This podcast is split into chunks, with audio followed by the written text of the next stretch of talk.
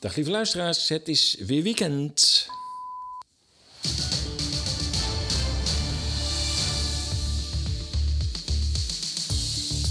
Jazeker, weekend. En weer tijd voor Radio Moddergat, de vrije podcastradio van ezas.nl. Twee wekelijks, 60 minuten lang, berichten over bizarre tijden. Mijn naam is Paul de Bruin en we noteren 15 april 2022.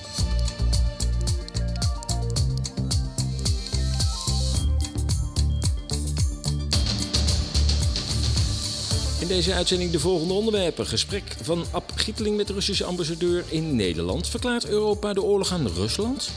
China zet 25 miljoen inwoners gevangen. Oekraïne en de beeldvorming. Hoe vervangen wij Russisch aardgas door Amerikaans LNG? Is er nog COVID in Rusland? Weer metalen deeltjes gevonden in de vaccins. En we hebben het even over No Agenda en hun eh, verslag over het mislukte social media initiatief van Donald Trump. Dat allemaal vandaag. In Radio Moddergat. Jongen, jongen, jongen, jongen. Het zijn dat toch, als je die twee weken weer eens even terugblikt.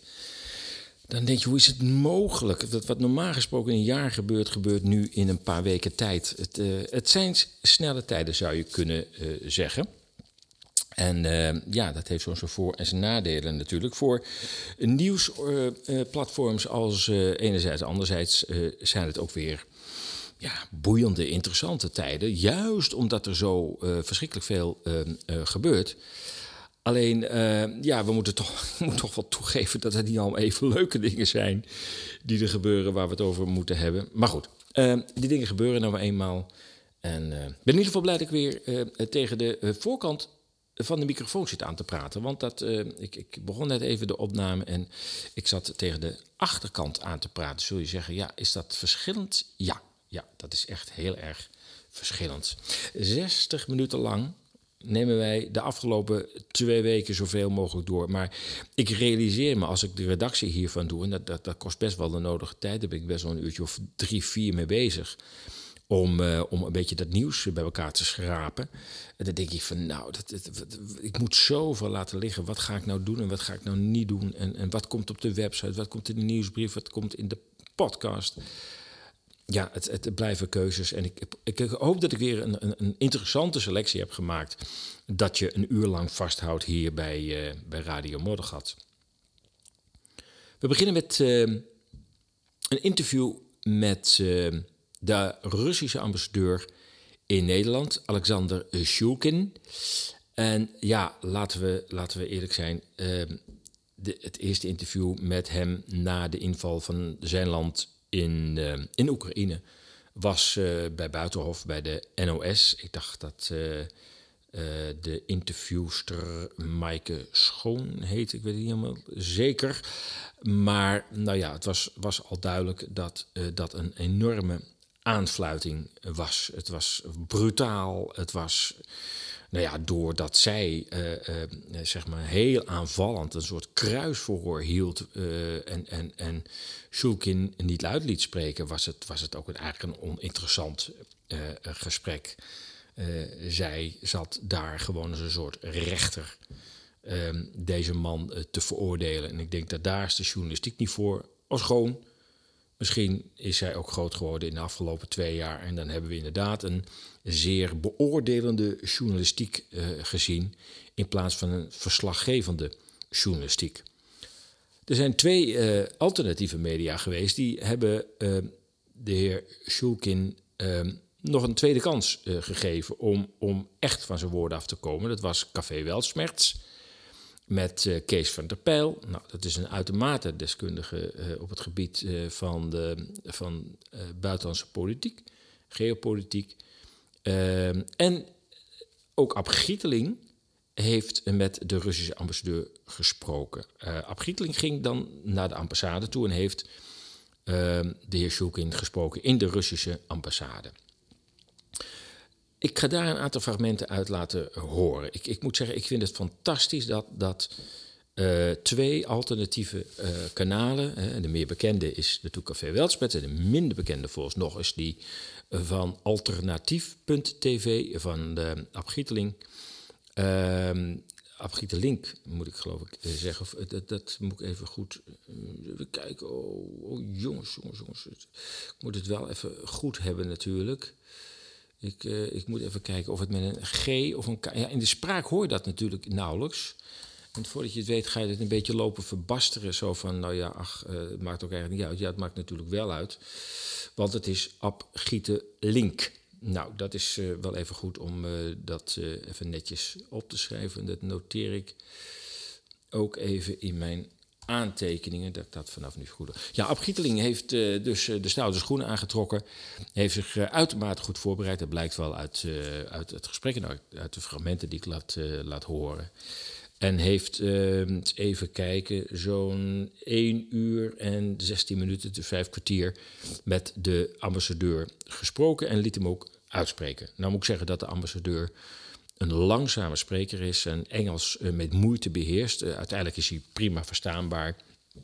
Maar enig geduld om te luisteren is wel noodzakelijk. Maar desalniettemin goed te horen wat de ambassadeur zegt. En natuurlijk, uh, ja, zul je misschien zeggen, ja, ja, ja, maar dat weet ik allemaal wel, dat Russische standpunt.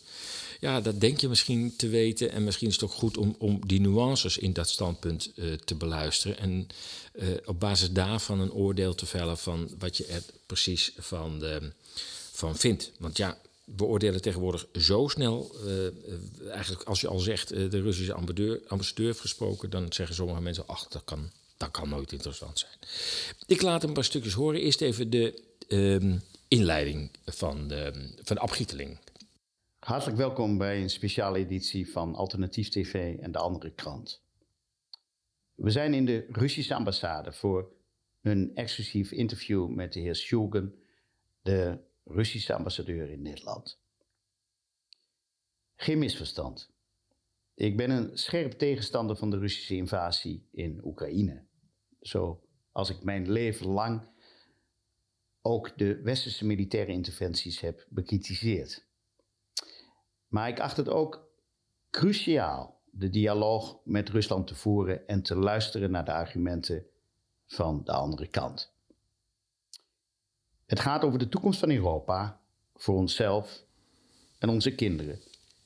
Willen we opnieuw een harde, wantrouwende, koude oorlog of willen we bouwen aan een Europa van dialoog en vertrouwen? Precies, daar gaat het uiteindelijk om. En ik denk dat de alternatieven, of de vrije media, hoe je het ook wil noemen, daar een, uh, een prima rol in, in spelen. Um, want ja, eh, je kunt pas werkelijk naar vrede streven, naar de vrede bereiken ook, als je op zijn minst je oren openzet en hoort wat uh, de andere kant te zeggen heeft en je daarin verdiepen. Dat kan nog steeds betekenen dat je het niet mee eens bent, maar het begint allemaal bij luisteren. De eerste vraag van de app is uh, ja, hoe het uh, in de ambassade zo uh, vergaat. Well, we are living through difficult times. and myself, some staff members of the embassy have been receiving threats lately. Someone threw a makeshift bomb uh, Uh, at our consular section. We received also uh, letters. You received a bomb? Yes, uh, somebody uh, threw the uh, makeshift bomb at the consular section of the Russian embassy. And fortunately, it did not go off, and police came, and it was the threat was neutralized.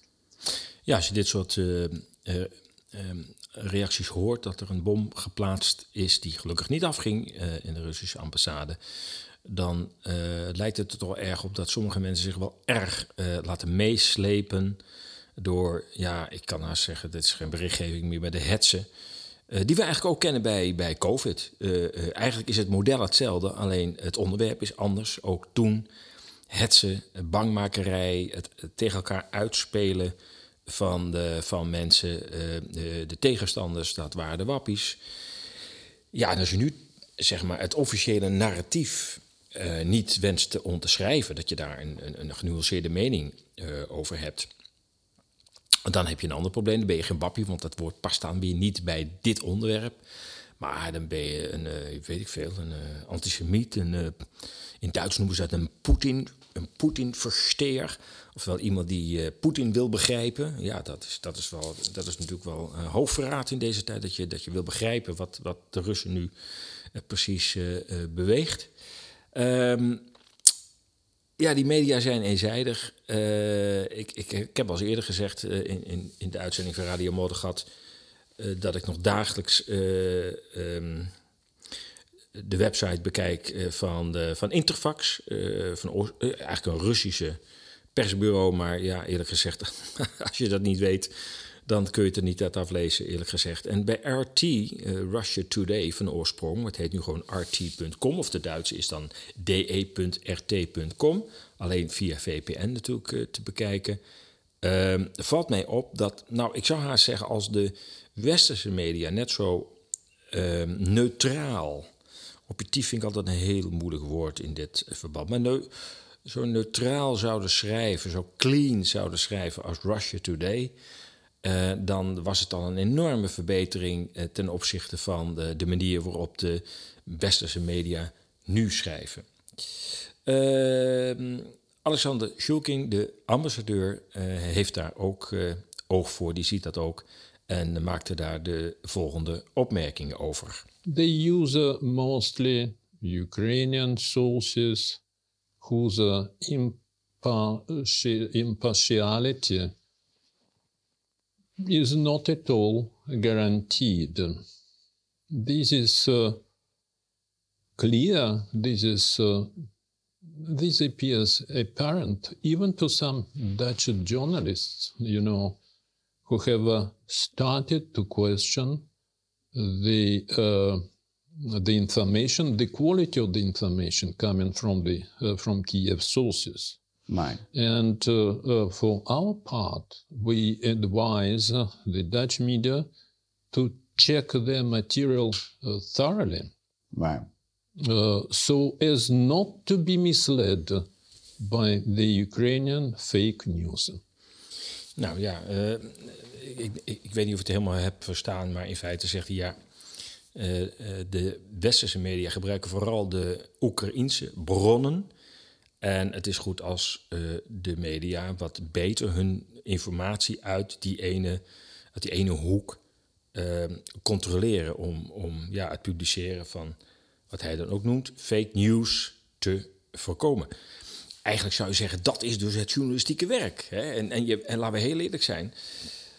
Als er twee landen in, uh, in oorlog zijn, dan, en je gaat je richten op één van beide landen als uh, informatiebron, ja, dan moet je toch als, al ben je maar stagiair bij de media, dan snap je toch ook wel dat je maar één kant van het verhaal hoort. Hoe kun je zo naïef zijn om te denken dat als je maar één kant, bijvoorbeeld alleen maar de Russische kant, uh, blijft citeren, dat je dan een afgewogen beeld krijgt. Het is, ja, het, het, ik denk dat ze het zich ook misschien realiseren, en misschien ook niet, dan is het nog erger gesteld met de Nederlandse media. Uh, het is ook, ja, men durft ook niet meer RT.com te citeren, want ja, dat is toch verboden om naar te kijken. Dat is toch afgesloten. Dus als, als, als Volkskrant of NSC mag je ook bijna geen, geen citaat meer doen van, van RT.com of Interfax of wat dan ook. Er zijn er nog meer. Um, ja, en dat is natuurlijk wel heel treurig. Want het is een, nou ja, goed, we wisten al uh, dat we uh, diep, uh, diep teleurgesteld konden zijn over de COVID-periode en de Nederlandse media. En, en dezelfde narigheid verplaatst zich nu naar het onderwerp Rusland en, en Oekraïne.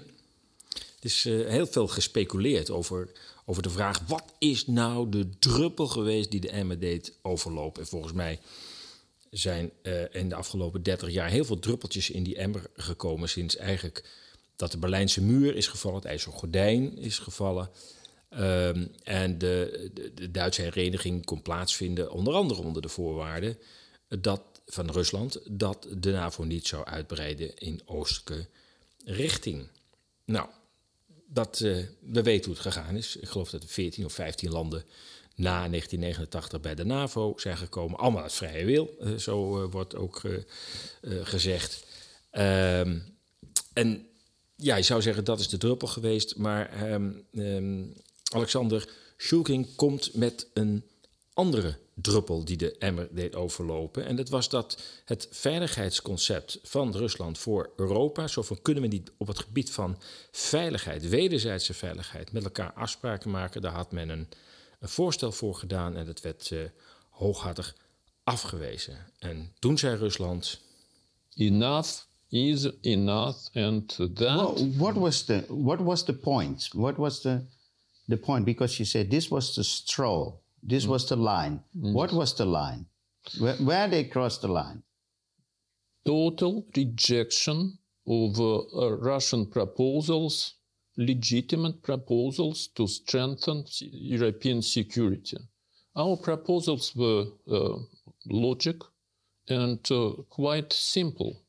Let's do our best to ease tensions let's not to uh, enhance to strengthen your security at the expense of the Russian security. Ja, dat is een belangrijke basisafspraak uh, überhaupt in uh, de wereld dat de verdediging van de veiligheid van de een er niet toe moet leiden dat uh, het voor de andere onveiliger wordt. Um, wat in feite nu wel gebeurd is. Hè. De, de, de, NAVO claimt dat het de veiligheid vergroot door de NAVO uit te breiden. Maar dat gaat in dit geval richting Rusland. Nou, het is niet meer richting Rusland, het is gewoon naast Rusland. Het zit gewoon tegen de Russische grens nu aan. en in die landen wordt niet alleen, worden, die worden niet alleen lid van de NAVO, er komen ook militairen, er komen tanks van de Amerikanen, er komen raketten. Er zijn natuurlijk ook veel biochemische labs ontdekt. Met, uh, ja, als je dat leest, wat daarin de, uh, ontwikkeld wordt. Ehm, ja, zo vlak langs de Russische grens. Kan ik me voorstellen dat als het andersom zou zijn. En Rusland twaalf biologische labs zou ehm, openen in Mexico. En een paar uh, lanceerbases gaat openen in Canada. Nou, ik weet niet hoe lang het goed zal uh, gaan. Maar ik denk dat het uh, van zeer korte duur is. En we kunnen gewoon terugkijken uh, in de geschiedenis. Toen Rusland raketten op Cuba probeerde te zetten. Nou, dat was bijna een derde wereldoorlog geworden. Een kernoorlog. Zo hoog liet de Amerikanen het oplopen. Maar blijkelijk ehm, geldt de norm maar één kant op. En vinden de Amerikanen dat ze aan de andere kant van de oceaan uh, wel gewoon hun militaire expansie uh, onder de vlag van de NAVO mogen uh, uitvoeren. Um, uiteindelijk um, laat ik nog een laatste fragment horen. Dat is ook een van de doelen van Rusland, de denazificering. En daar wordt in Europa wel een beetje, nou niet lacherig, maar er wordt toch wel even de schouders over opgehaald. Van ja, dat, hoezo na, nazi's in, in, in Oekraïne. Ja, dat zijn toch wel serieuze groeperingen daar die deelnemen aan de regering, maar ook onderdeel zijn van het Oekraïense leger. En verantwoordelijk zijn voor veel uh, misdaden in Oost-Oekraïne. Dus tegenover de Russisch sprekende Oekraïners of de Oekraïners van Russische afkomst.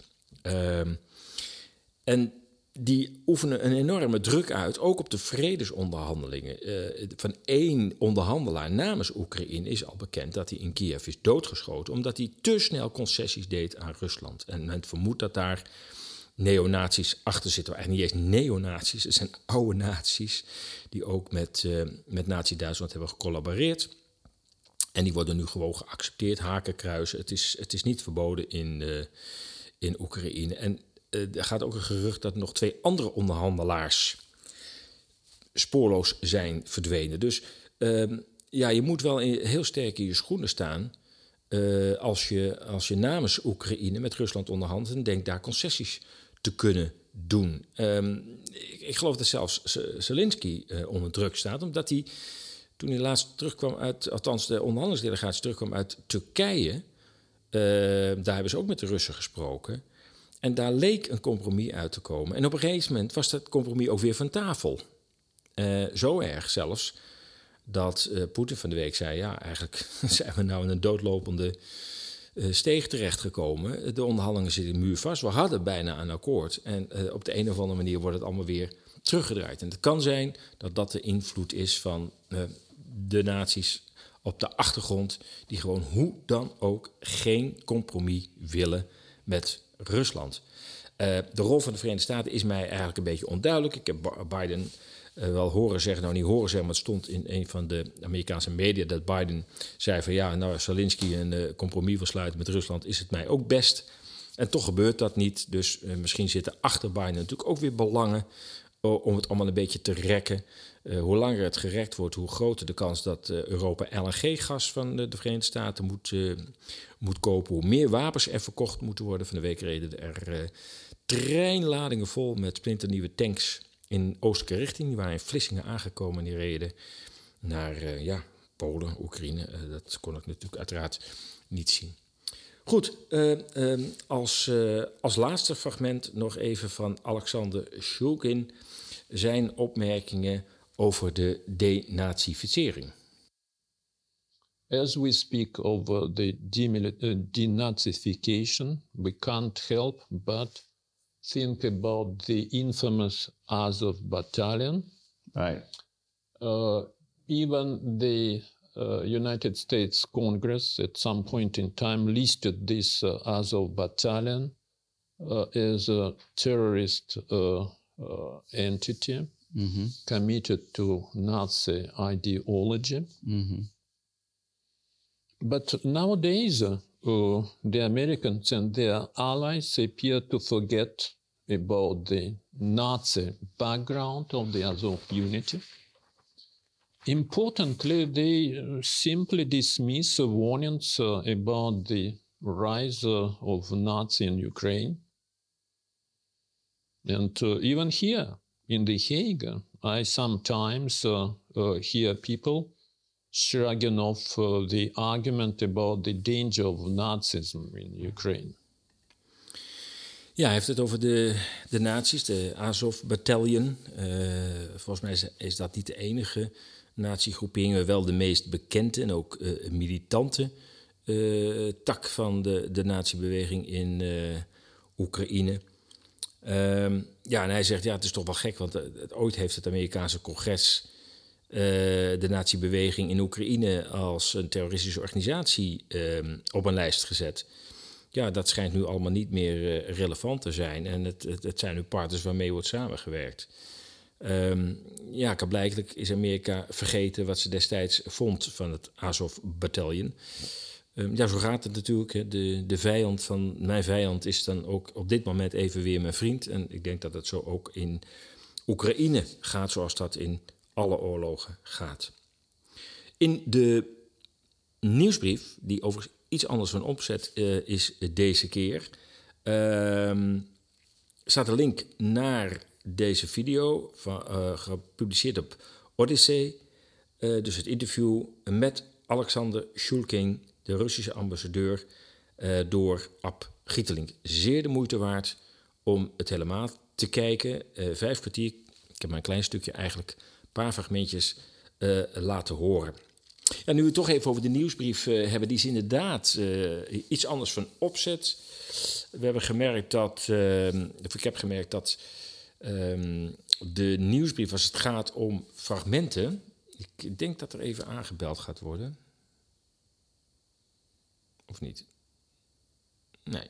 Nou, toch niet. Nou, ik zag even iemand naar de deur lopen en dan denk ik altijd van nou, komt zeker weer uh, iets verkopen. Nee, niet dus. Um, nou ja, die nieuwsbrief is anders van opzet. Uh, in de nieuwsbrief stonden de fragmenten, helemaal uitgewerkt en ook uh, met een aanklikbare link naar het desbetreffende fragment. En dat bracht je dan meteen naar het fragment op, op Soundcloud. Maar ja, het werd niet zoveel aangeklikt, dat kon je zien.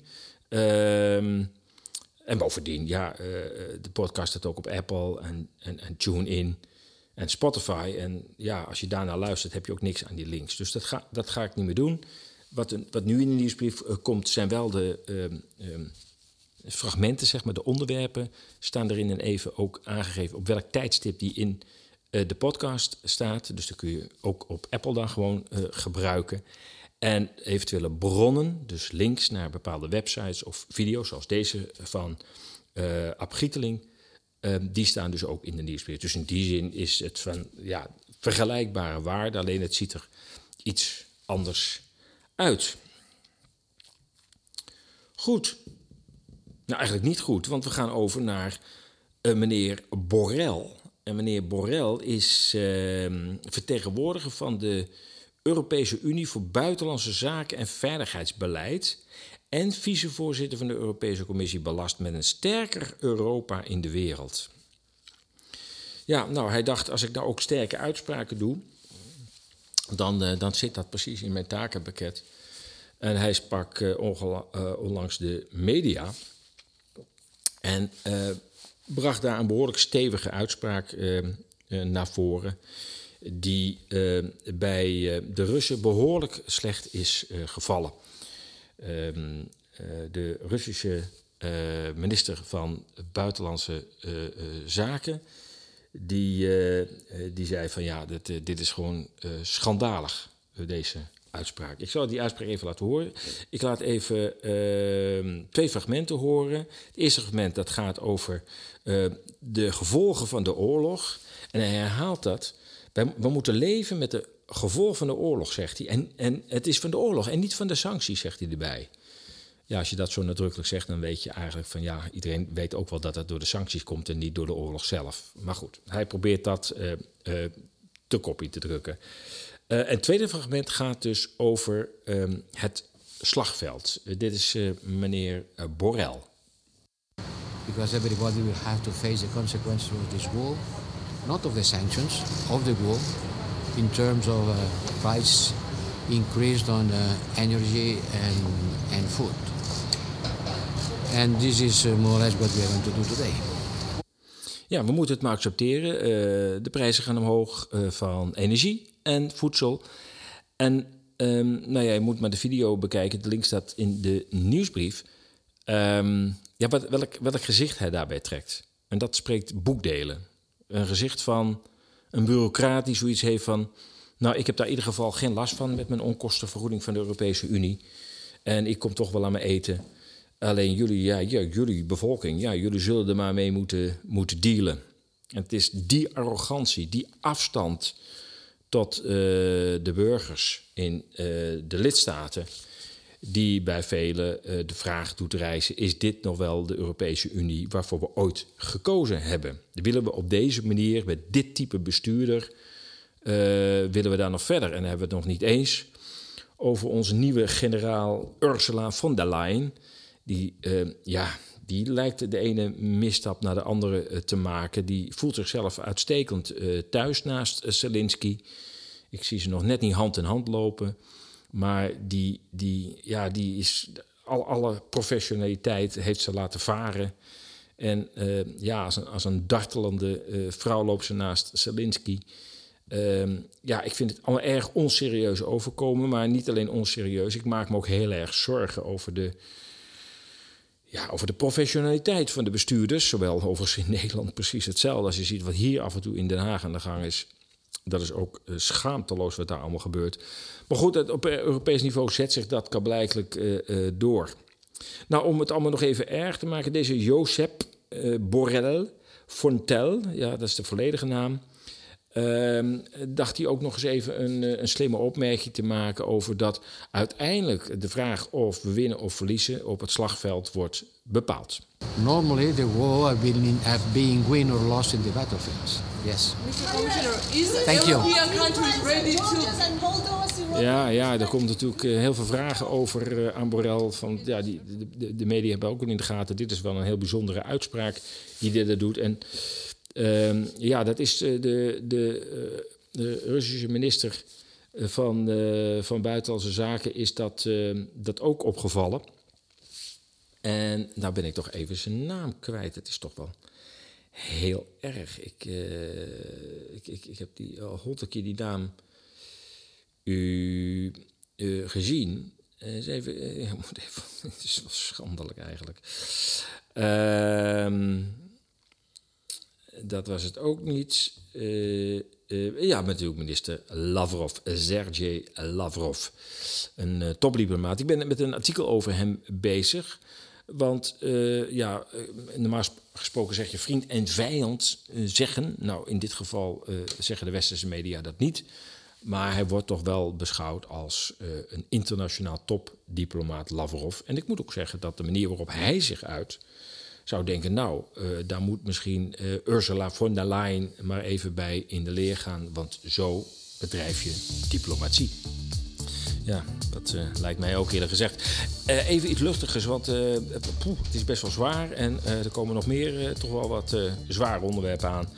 Ehm, ja, het is vandaag echt een podcastdag voor mij. drie podcasts op een dag. Uh, de eerste podcast eh, was inspreken in bellen bij Niels Lunching. Zijn podcast uh, Audiokrant delen we ook regelmatig. Deel ik ook regelmatig op Telegram en ook op de, de website esas.nl. En um, ja, vanmiddag zat ik bij Peter van Asselt in zijn podcast Poppenkast. En dat was maar liefst een gesprek van drieënhalf uur, als ik het goed heb. Dus daar, ja, we kwamen over allerlei onderwerpen langs. Ik zal die podcast ook delen. Dat is een videopodcast. Dus dan kun je me uh, uh, zien. Ik, ben er nooit zo groot voorstander van. Maar goed, uh, ik zal hem in ieder geval delen. En wat ik zei, um, ja, er komen ook nu weer een, komt weer een heel serieus onderwerp aan. We gaan naar China. Uh, ik zag daar een videootje van iemand stuurde mij dat toe. Dat uh, dank ik alle uh, mensen die mij informatie toezenden. Het is natuurlijk te veel om allemaal of in de podcast uh, op te nemen of op de website. Het is heel veel, maar uit dat aanbod maak ik echt een keuze. En ja, zoals bij No Agenda, Adam Curry altijd zegt, dat zijn mijn producers. De mensen die meewerken aan, aan de podcast, die meewerken aan de website door mij goede informatie toe te sturen.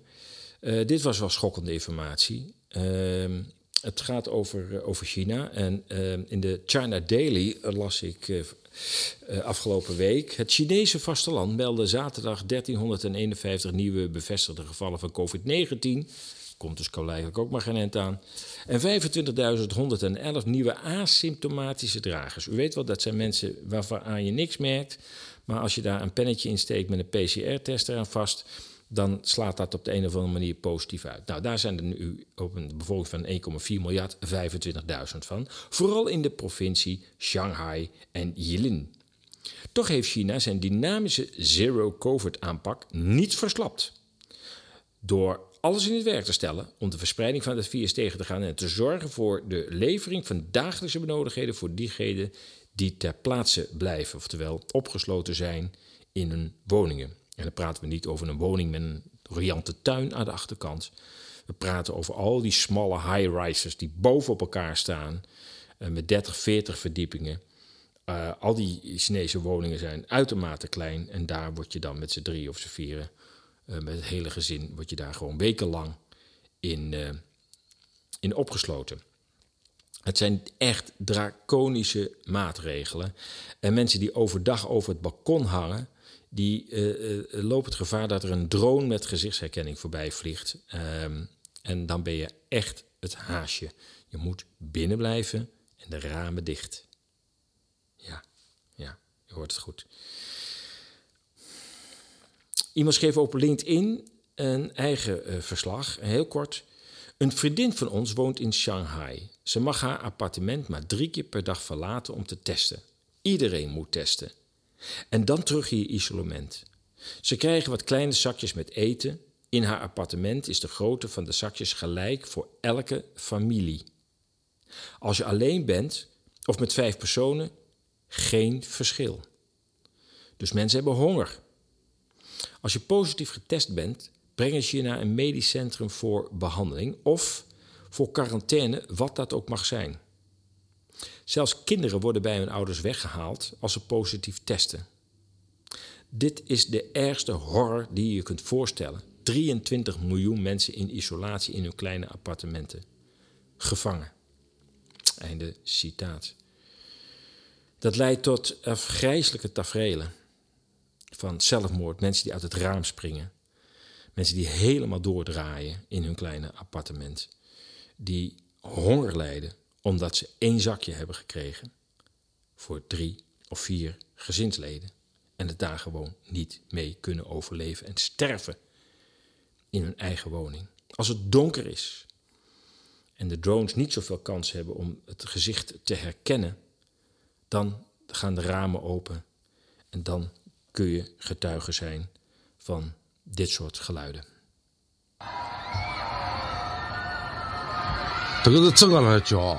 好了，终于两万人，所有人都在叫， Mensen schreeuwen uit eh, paniek en woede 要命了。 en verdriet. Schreeuwen ze uit de ramen om alsjeblieft vrijgelaten te worden. Ik hoorde overal verslagen 俺们叫俺们 waarbij 出来 deuren 在 worden 突然之 dichtgelast 间 van appartementen. 所有人都叫了，要死！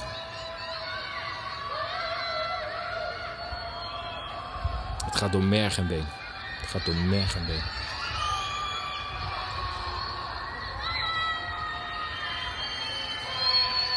要命了！再这样弄下去，我跟侬讲，真要出事体了，操，麻烦了。根子啥么呢，因为所有个人，伊都不晓得这个状态。China 2022, april 2022. Wat een hel. 没，侬讲看，闷闷了七天，到了屋里向啊，不能出门啊，不是说不能出小区啊，这不行的，马上弄下就要出事情。 Ik eh, kan het eerlijk gezegd heel moeilijk aanhoren, dit. eh, je ziet eh, beelden van eh, in de donker gefilmd van tientallen hoge flatgebouwen waar de lichten van branden. Mensen zijn allemaal thuis, dus op elke etage brandlicht. Eh, ik heb begrepen weer van derden die daar wonen dat eh, alleen artsen nog op straat mogen en natuurlijk de politie.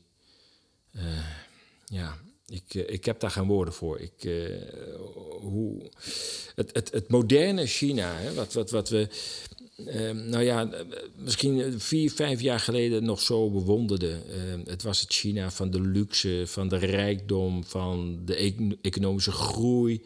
Dat zoveel miljoenen mensen uit de armoede zijn eh, eh, verlost. Het leek een, ja, toch een beetje liberale economie. En iedereen heeft altijd gedacht, een, een liberale economie kan ook niet zonder democratie. Nou, dat, eh, dat ziet er dus blijkbaar toch anders uit.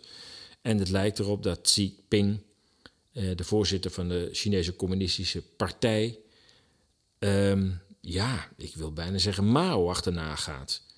En, en, en ja, zijn, zijn eigen bevolking op een. Ja, dit is gewoon een mishandeling. Dit is gewoon mishandeling van je bevolking als je 23 of 25 miljoen mensen in hun woningen wekenlang opsluit. Het is echt. En, en ook ja, een aantal gezinnen gewoon laat verhongeren. Mensen uit de ramen laat springen uit wanhoop. Ja, dat China kunnen we voorlopig wel afschrijven als een partner. Als er ergens sancties tegen getroffen zouden moeten worden, is het China. En daar hoor je niemand over. Niemand. Het toverwoord is COVID. En dan, dan verstomt de kritiek. We gaan weer even terug naar, eh, naar Oekraïne. Daar is natuurlijk heel veel over, eh, over te melden.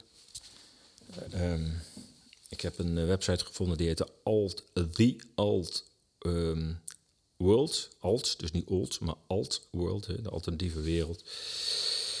Ehm, en die doet eh, eh, verslag en geeft commentaar op de situatie in Oekraïne.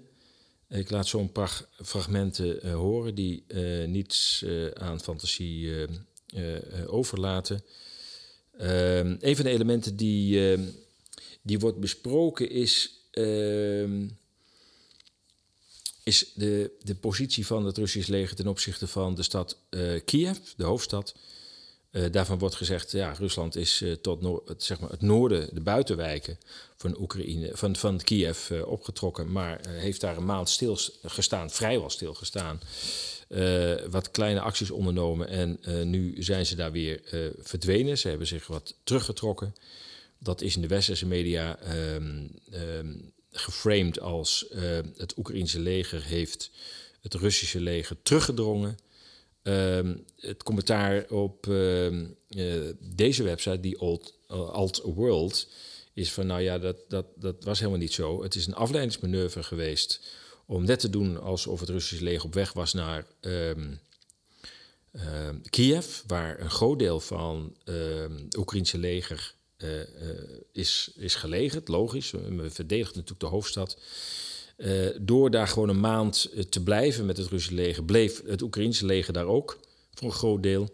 En konden de acties in het oosten om de Russische eh, bevolking in het oosten van Oekraïne, ja, zoals zij dat noemen, te bevrijden van de Ansov-beweging, maar ook van het Oekraïnse leger, om dat met iets minder tegenstand van het Oekraïnse leger, dat het vastgehouden rondom Kiev, om dat te kunnen doorvoeren. Er zijn ook heel veel beelden en geluiden en, en berichten over misdragingen van, van het Russische leger. Nou, laten we er niet naïef in zijn, waar legers zijn, geweld wordt gepleegd, escaleert het geweld ook altijd. En eh, ja, als je eenmaal eh, even je maten eh, hebt zien doodschieten, dan gaan er bij heel veel soldaten ook de stoppen door.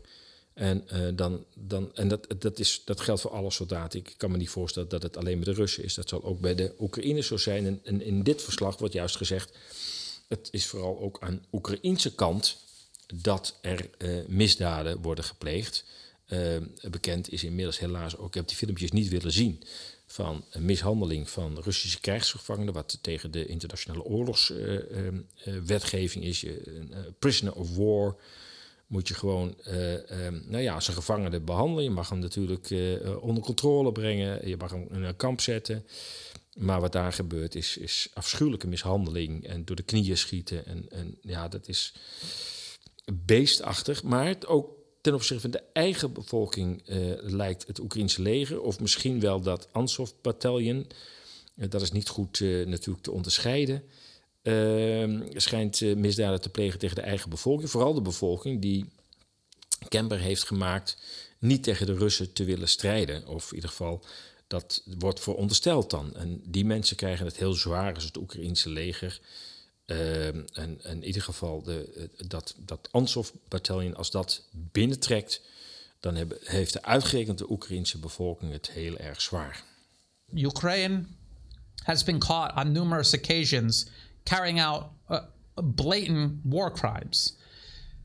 For example, New York Times video shows Russian prisoners of war in Ukraine being beaten and shot in their legs. And this is about Ukraine on camera uh, torturing and murdering Russian soldiers. And that wasn't the only video. There were actually several videos. Ukrainian soldiers torturing and killing Russians. Uh, Nou ja, uh, hij citeert ook gewoon uit de New York Times. Het staat er ook in, uh, ook alle foto's erbij. Dus het is in ieder geval door de mainstream media, uitgerekend Amerikaanse media, is dat bevestigd dat de Oekraïnse strijdkrachten zich aan misdaden tegen de menselijkheid schuldig maken. mogelijkerwijs, daar gaan we niet verder op in, want er is natuurlijk al heel veel over gezegd. is dat ook in Bucha gebeurd? Dat is ook niet helemaal duidelijk wat daar nou precies is gebeurd. De Russen hebben gezegd, ja, als je dat niet weet, uh, ja, ze weten natuurlijk wel, ze zeggen gewoon standaard dat de Russen het hebben gedaan. Maar zij zeggen, ja, misschien is het goed dat de Verenigde Naties of een andere onafhankelijke partij dit gewoon eens gaat onderzoeken. En daarvan heeft Engeland gezegd, nee, er wordt helemaal niks onderzocht. We weten al wie het gedaan heeft, dat zijn jullie. En we gaan helemaal niks onderzoeken. We gaan even verder. You're going to say, well, they're torturing and killing Russians. Uh, what makes you think that they would do this to their own population? Well, articles like this from the Washington Post. Uh, despite this very misleading headline, Russia has killed civilians in Ukraine, Kiev's defense tactics add to the danger. They're actually admitting that Ukraine is the one getting these civilians killed because they are putting their military equipment in and among the civilian population. Dat is essentieel wat hier gebeurt. Um, dat is een bekende tactiek. Um, dat zag je ook ISIS uh, doen in, in Syrië. Uh, door zich te manifesteren en te posteren binnen drukke bevolkingscentra, rondom markten, uh, in ziekenhuizen, in, in, in openbare gebouwen. aan de ene kant waren ze dan in ieder geval even veilig. Zeker als het hier gaat over Rusland. Rusland heeft gezegd: wij willen zo min mogelijk civiele doelen raken. Dat is ook de opdracht van Poetin aan het leger. Dat is ook bevestigd door de generaal. Niet zozeer dat hij heeft gezegd, dit heeft Poetin gezegd, maar hij heeft gezegd, ik word gehinderd Doordat uh, ja, wij de politieke opdracht hebben gekregen om zo weinig mogelijk burgers te treffen. Daardoor zijn wij als leger met handen gebonden. Want daardoor kunnen we een hele hoop acties niet ondernemen. Um, maar wat dan het, het Oekraïnse leger doet, is dan zich ophouden in, in drukke bevolkingscentra of in ziekenhuizen. En nou ja, we weten dat er, er ziekenhuizen zijn getroffen en andere openbare gebouwen waarvan wordt gezegd, ja, daar, daar, daar lagen patiënten in. En Rusland zei, nee, nee, nee, nee, nee, die waren er al weg. En het Oekraïense leger had zich daar verschanst, of, of andere onderdelen van het leger uh, hadden zich daar verschanst. En dan wordt het, wat ons betreft, gewoon een militair doel. professor from a university in London says, I'm very reluctant to suggest that Ukraine is responsible for civilian casualties, but To the extent that Ukraine brings the battlefield to the civilian neighborhoods, it increases the danger to civilians. And then elsewhere it says Ukraine's strategy of placing heavy military equipment and other fortifications in civilian zones could weaken Western and Ukrainian efforts to hold Russia legally culpable for possible war crimes. And that's because it's not a war crime. It's actually a war crime that Ukraine is committing because they are using civilians as human shields, their own people. They are using them as human shields. Ja, dat is, dat is, eigenlijk, dat is een oorlogsmisdaad om je eigen bevolking uh, te gebruiken als menselijk schild. Uh, aan de ene kant om jezelf te beschermen. En als dan uiteindelijk dan toch door de vijand erop wordt geschoten en er vallen burgerslachtoffers, dat je daar weer publicitair voordeel uit probeert te halen. Nou, dat kan blijkelijk, dat vind ik toch wel een positief puntje, bij de Amerikaanse media niet gelukt. Amerikaanse media hebben dit dus gewoon onthuld. Washington Post en de New York Times. Dus dat, dat, dat, dat, die PR-offensief gaat toch niet helemaal uh, zoals we waarschijnlijk uh, hadden uh, gewenst. Blijkelijk werkt het toch niet meer zo ehm, zoals bij COVID, waarbij ja, de media toch redelijk unisono blijven en blijven hangen op hoe erg het COVID-virus, wanneer ze goed de vaccins zijn. Um, ja, dit zijn uitgerekend Amerikaanse media die um, dus de spiegel voorhouden en zeggen: Nou, kijk maar eens naar de Oekraïnse krachten. Uh, wat die daar, uh, eenheden, wat die daaruit uh, vreten. En ja, er zijn beelden bekend van, van mensen die, waarvan de, nou ja, half naakt tegen de lantaarnpalen aan worden gebonden. Of met het, dat folie omwonden tegen de lantaarnpalen aan worden geplakt. En daar gewoon, ja, als niemand ze komt redden, ook zullen sterven ja, dat is een vorm van marteling. Ehm, als je de geschiedenis bekijkt, dan en je kijkt naar de, de tijd van de nazi's, en, uh, dan, dan wordt daarvan wordt gezegd dat de nazi's de ergste martelingen lieten uitvoeren door de Oekraïners, omdat zelfs de nazi's dat dan niet wilden doen. Nou, dat is het verhaal. Dat, dat, dat ken ik al van ver voor deze inval. Um, blijkbaar hebben de Oekraïne, uh, Oekraïners daar een reputatie in opgebouwd. Natuurlijk niet de Oekraïner in de straat, uiteraard, maar een, een, een, een deel daarvan. Nog even een laatste fragment over dat, dat, dat deel, namelijk dat de eigen bevolking wordt geterroriseerd. Admitting that. Now, what else has Ukraine been doing to their own population? This is from news.com.au from Australia.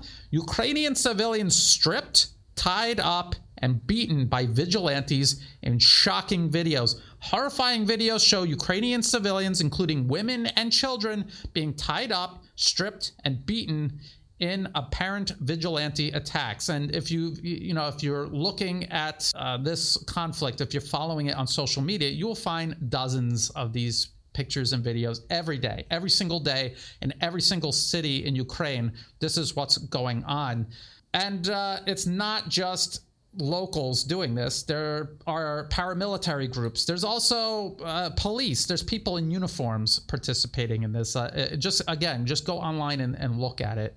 And this is what Ukraine is doing to their own population. This is what they're doing to people they think are not sufficiently uh, enthusiastic enough about fighting against the Russians or aren't doing their part in resisting the Russians. This is what they do to their own people. So, with all of this in mind, uh, Ukraine torturing and killing Russian prisoners of war, a, a blatant war crime. Ukraine putting their heavy military equipment in and amongst the civilian population, knowing it's going to get civilians killed. Again, another blatant war crime. Ukrainian security forces tying up, torturing, and humiliating their own people uh, in, in uh, vigilante attacks. Ja, dat is een, uh, hele kille opzomming van uh, ja, toch de misdaden die in ieder geval het uh, Oekraïnse leger ehm, begaat. nogmaals bevestigd, uitgerekend door Amerikaanse bronnen. Je zou verwachten dat Russische bronnen dat dus verspreiden. Ik heb het bij rt.com maar heel weinig over gezien. Je zou zeggen dat rt.com dit, dit groots moet presenteren. De wandaden van ehm, van het Oekraïnse leger. Het zal er wel staan, maar het is mij niet opgevallen. Ik wil niet zeggen dat er niet staat, maar blijkbaar wordt daar uh, bij rt.com toch niet zo heel veel uh, gewag van, van gemaakt. Dit is Radio Moddergat, wereldwijd te beluisteren via Soundcloud, Apple Podcasts, TuneIn en Spotify.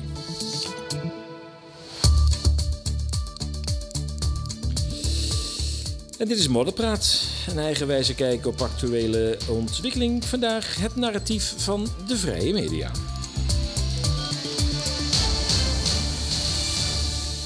Ja, we hebben het vaak over het officiële narratief dat door overheid en uh, de mainstream media uh, wordt, uh, wordt ondersteund en versterkt en geframed en nou ja, dat soort zaken allemaal.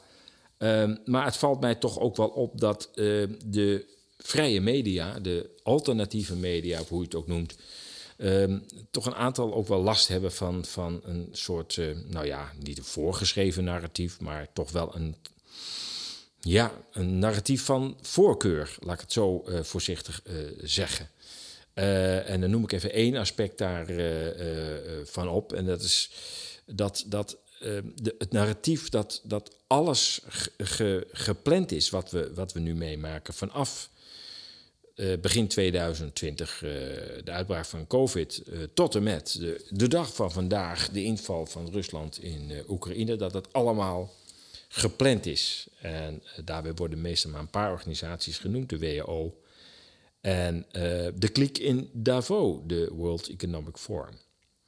Nou zou ik de laatste zijn om de macht van de World Economic Forum te onderschatten. Die hebben jaren gewerkt aan plannen Fourth Industrial Revolution, transhumanisme en nog wat meer eh, van die onzalige plannen. Ehm, dus daar ga ik niet onderschatten. Maar ik vind het ook wel een beetje armoede om te veronderstellen dat alles vanuit Davos en Genève, de WHO, uh, aangestuurd wordt. Grote delen zijn zeker aangestuurd. Daar is ook gewoon bewijs voor. Daar, daar hoef je niet lang over te praten. Maar ik begon een beetje uh, erop te reageren. Toen men uiteindelijk zei: Nou ja, het COVID-narratief dat, uh, dat begint te slijten. En prompt valt Rusland Oekraïne binnen. Nou, en daar wordt aan gekoppeld, zie je wel. Poetin is ook onderdeel van het World Economic Forum. Er zijn ook foto's waar hij met Klaus Schwab op staat. En uh, dat zou dan betekenen dat Poetin in de zak zit van Klaus Schwab. En dat kan werkelijk Klaus Schwab en Poetin zeggen: we gaan eens een keer Oekraïne binnenvallen. Ik vind dat een dermate versimpeling van uh, de realiteit en ook een totaal gebrek aan historische uh, kennis. Want de, er zijn nog veel meer lagen in, in, in de ingewikkelde gebeurtenissen in de wereld. Eén daarvan is inderdaad dat een aantal organisaties de macht hebben gegrepen en nog verder willen uh, uh, grijpen. En daardoor werkelijk overal over vrede en veiligheid kunnen uh, beslissen. Dat is één laag. Tweede laag is economie. Zijn er economische ontwikkelingen die uiteindelijk tot een bepaalde actie leiden? Zijn er geopolitieke factoren die een rol spelen in wat er nu gebeurt in Oekraïne? En zeker in deze context van heel groot belang. Het is nu te kort om dat helemaal uit de doeken te doen. Misschien moet ik dat later nog een keer uh, doen. Uh, volgens mij heb ik in de vorige Radio gaat er al iets over verteld. De historische context van wat er nu in Oekraïne gebeurt, is absoluut van belang om hier een goede verklaring voor te geven waarom de Russen nu in Oekraïne zijn. Een verklaring met name, geen excuus een land binnenvallen heeft geen excuus. Zo simpel is het. Maar je kan wel verklaren waarom dingen lopen zoals ze lopen. En vooral die historische context is van groot belang. En ik, ik hoor bij veel media eh, toch vooral het verhaal van... nou ja, dit is natuurlijk fantastisch gepland. Weer een afleidingsmanoeuvre. En ik, dan denk ik van ja, dan sla je toch zo een essentieel stukje geschiedenis over. Je kunt al, je kunt al teruggaan ja, je kunt al veel verder teruggaan naar het Habsburgse Rijk en het Ottomaanse Rijk. Het heeft allemaal zitten woelen in, in Oekraïne. De grenzen zijn ook constant uh, aan veranderingen onderhevig geweest. Maar je kunt ook zeggen, ja, het conflict bijvoorbeeld over, over delen van Oekraïne uh, kun je ook bij 1853 laten beginnen. De Krimoorlog. Engeland tegen Rusland, uh, toen nog het Tsarenrijk. 800.000 doden voor een relatief klein stuk van, van Oekraïne. Maar wel elementair natuurlijk met uh, de marinehaven Sebastopol. Toen al 1853. Het conflict is eigenlijk nooit opgehouden. Met andere woorden, dit is gewoon onderdeel van hetzelfde conflict. Dat kun je laten beginnen, wat mij betreft, in 1853. Je kunt 1989 uh, noemen. Je kunt 2004 noemen. Je kunt 2014 noemen. Het zijn allemaal mijlpalen uh, waarvan je achteraf kunt verklaren, ja, dat heeft allemaal wel toe uh, geleid dat we nu in deze situatie zitten. Maar ook uh, Defender 2020, de militaire opbouw tijdens COVID, dat de Amerikanen nogal wat troepen naar Europa sleepten. En bij de Russische grens forse militaire oefeningen gingen houden tijdens COVID. Wij waren met spuiten bezig. En ondertussen konden de Amerikanen zonder al te veel mediale aandacht toch aardig uh, de, de grote beer uh, porren. In de hoop dat hij een keer zou toeslaan. En dat deed hij een week nadat de, het Oekraïense leger het oosten van Oekraïne begon te bestoken. Dat was een tijdje rustig geweest. En kablijkelijk uh, duurde het de Amerikanen of de Oekraïners te lang, de Oekraïnse overheid, dat dus Poetin maar niet wilde toehappen. Hij had de legers wel klaarstaan, maar hij, kwam maar niet. Hij bleef ook ontkennen dat hij uh, Oekraïne zou binnenvallen. En um, ja, toen de bombardementen weer hervat werden op het oosten van Oekraïne en uh, er weer noodkreten kwamen van het Russische deel van, van Oekraïne, ja, dat schijnt voor Rusland uh, de, de druppel te zijn geweest van ja jongens, nou, nou, nou moeten we wel. Jullie gaan ook nog weer eens de boel plat bombarderen in het oosten. Nu, we staan er klaar voor. Uh, we grijpen nu, uh, nu in. Um, ja, Oekraïne en even kijken. Ja, ik had het nog even over Russisch aardgas willen hebben. Uh, heel kort even. Een Duitser heeft uitgerekend hoeveel uh, tankers uh, van LNG, dat liquid natural gas, dat is gewoon fracking gas, dat is smerig geworven gas. Dat is heel grappig dat dat ik dacht dat we met klimaat iets hadden op de een of andere manier. Maar we sluiten nou schoon aardgas uh, door een schoon transportmiddel. De pijp sluiten we af. En we gaan nu de Amerikanen vragen om met smerige uh, dieselschepen. Ons het door het, het, het, het, het, met, met, met ernstige vervuiling gepaardgaande winnen van vloeibaar aardgas, van fracking gas. Dat gaan we ze nu vragen. En nu is klimaat weer even geen, geen uh, thema. Maar goed, die Duitse heeft uitgerekend van om die, om die Nord Stream 2 te vervangen, de capaciteit die dat heeft, heb je per dag 1025 tankers nodig, LNG-tankers, die dus 1025 tankers die per dag moeten aankomen in Europa om die pijpleiding te kunnen opvangen. Nou ja, we weten niet waar we ze moeten ontladen, die dingen. Er zijn 26 terminals in Europa en het duurt 20 uur voordat zo'n ding leeg is. Dus ja, ik weet niet wat ze in Brussel zitten te doen, maar het, het, het is ronduit schandalig, uh, onprofessioneel en flauwekul om net te doen alsof we met LNG eh, de Russische aardgas kunnen, kunnen uh, vervangen. Dat gaat nu niet gebeuren, niet over vijf jaar en over tien jaar hebben we dat nog niet voor elkaar. Maar goed, ik hou het op dat punt even kort. Een ander verhaal als laatste is ehm, het verhaal dat, ehm, ja, ESA's toch overgaat tot gedeeltelijke uh, betaalde content. Uh, ik heb daar uh, uh, lang over nagedacht. Ehm, maar ik merk, en ik merk dat, ik hoor dat ook wel van een aantal andere media, dat de donaties opdrogen. of in ieder geval sterk afnemen. En nou ja, daar kun je allerlei verklaringen eh, voor geven, economische verklaringen. Dat mensen, eh, dat, ja, veel mensen houden natuurlijk de hand op de knip. Ik snap het wel. Het voedsel neemt toe, wordt, wordt duurder, de energie wordt duurder. Ja, de inflatie giert. En ik snap ook wel dat je dan denkt, ja, sorry hoor, maar als ik moet kiezen tussen, tussen brood in, in de kast of ESA sponsoren, nou, dan weet ik het wel. Dan gaat, dan gaat brood wel, wel voor. Dus ik snap het heel erg eh, wel. Maar aan de andere kant denk ik ook, ja, eh, ik besteed er zo'n zes tot zeven uur per dag aan, aan ESA's. eh, de nieuwsbrief, de podcast Radio Moddergat. En ja, de vele artikelen op de website. Ehm, ja, het, het moet toch wel een eerlijke ruil blijven.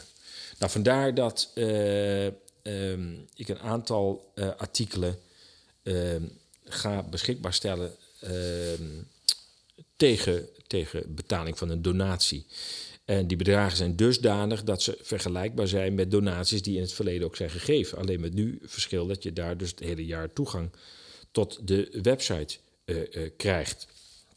Eh, er zijn eigenlijk drie mogelijkheden. Lidmaatschap is ook een, een, een starterslidmaatschap. Dat geldt een maand. En dan kun je een maand de meeste artikelen lezen. Niet alle, maar vrijwel alle artikelen lezen. Het is gewoon om te proberen. Als je dat, je ja, ik wil toch wel eens zien, wat krijg ik dan te zien?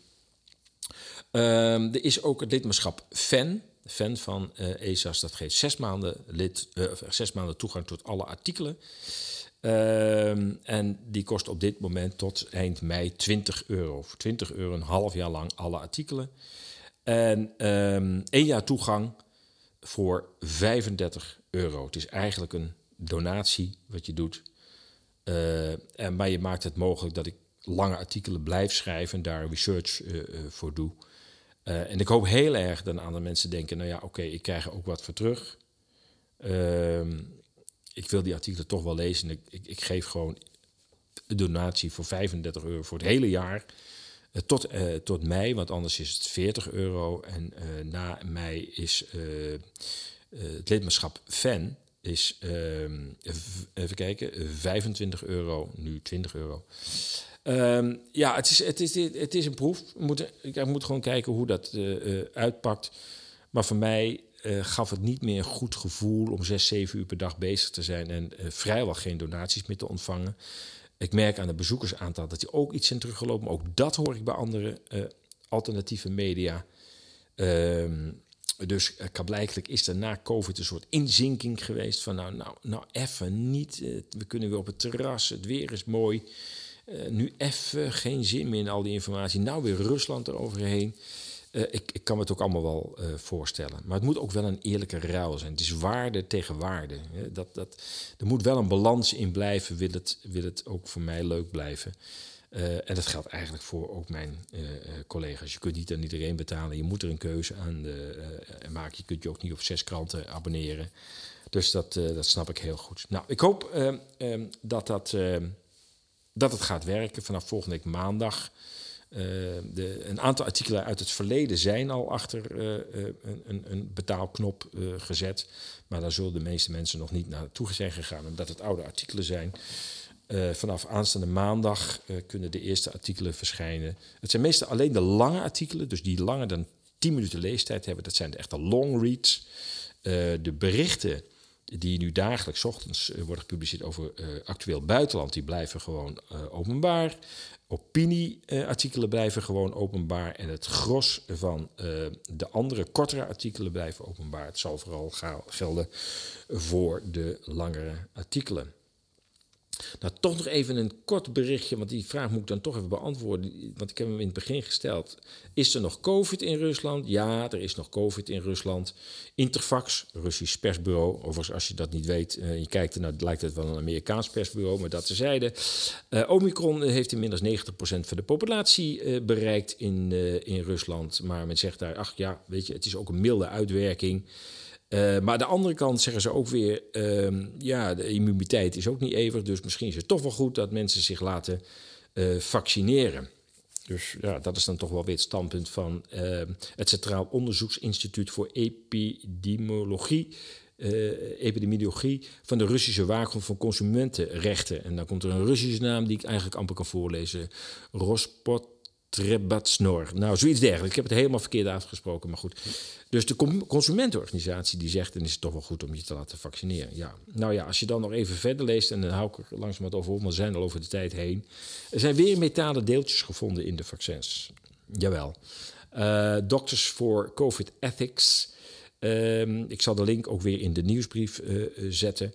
Hebben gezien dat er in, ehm, in Pfizer-vaccins, niet zozeer in andere vaccins zoals Johnson Johnson, daarvan zeggen ze, daar hebben we het nog niet aangetroffen. Maar die eh, mRNA-gebaseerde COVID-vaccins van BioNTech en Moderna, die hebben ze onderzocht, moet ik goed zeggen, eh, hebben ze allerlei eh, metalen gevonden. Ja, je kunt het je niet eh, eh, voorstellen, maar dat is kobalt, ijzer, chroom, titaan, zeldzame aardsmetalen zoals cerium, gadolinium, barium, cesium, aluminium, silicium, zwavel, calcium en kalium.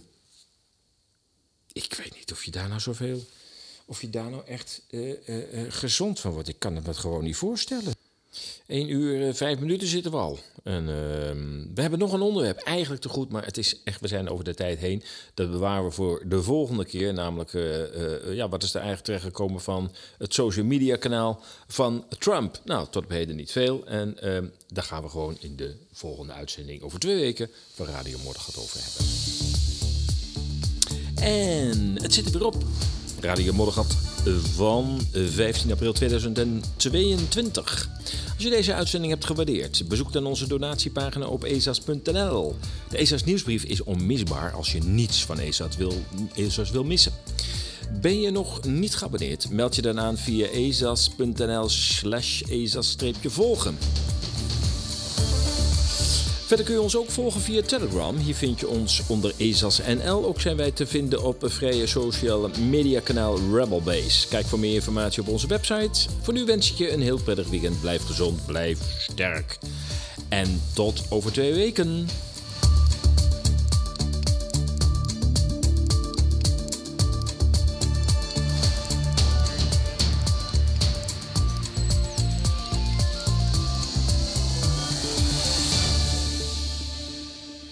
Amongst the long list of foreign policy failures and contradictions in the last few years, including, of course, the bombing of Libya, uh, the desire to arm the rebels in Syria, has been the unnecessary provocation of Vladimir Putin. This EU empire, ever seeking to expand, stated its territorial claim on the Ukraine some years ago. Uh, just to make that worse, of course, some NATO members said they, they, they too would like the Ukraine to join NATO. We directly encouraged the uprising in the Ukraine that led to the toppling of the president Yanukovych, and that led, of course, in turn to Vladimir Putin reacting. And the moral of the story is if you poke the Russian bear with a stick, don't be surprised when he reacts. Now, uh, just to continue with that, today we are rushing through an association agreement at undue speed with the Ukraine, and as we speak, there are NATO soldiers engaged in military exercises in the Ukraine. Have we taken leave of our senses? Do we actually want to have a war with Putin? Because if we do, we're certainly going about it the right way. In the war against Islamic extremism, Vladimir Putin, whatever we may think of him as a human being, is actually on our side. I suggest we grow up. Let's not go on provoking Putin, whether we like him or not. The point that I was making is that there, is, there should be a huge degree of guilt in this House about what provoked all of this in the first place, and we saw Western Ukrainians waving European flags, rioting, setting fire to things, and effectively staging a coup d'etat which brought down the Ukrainian president, which has led to this instability. Yes, yes, you are the guilty people, and you refuse to accept it.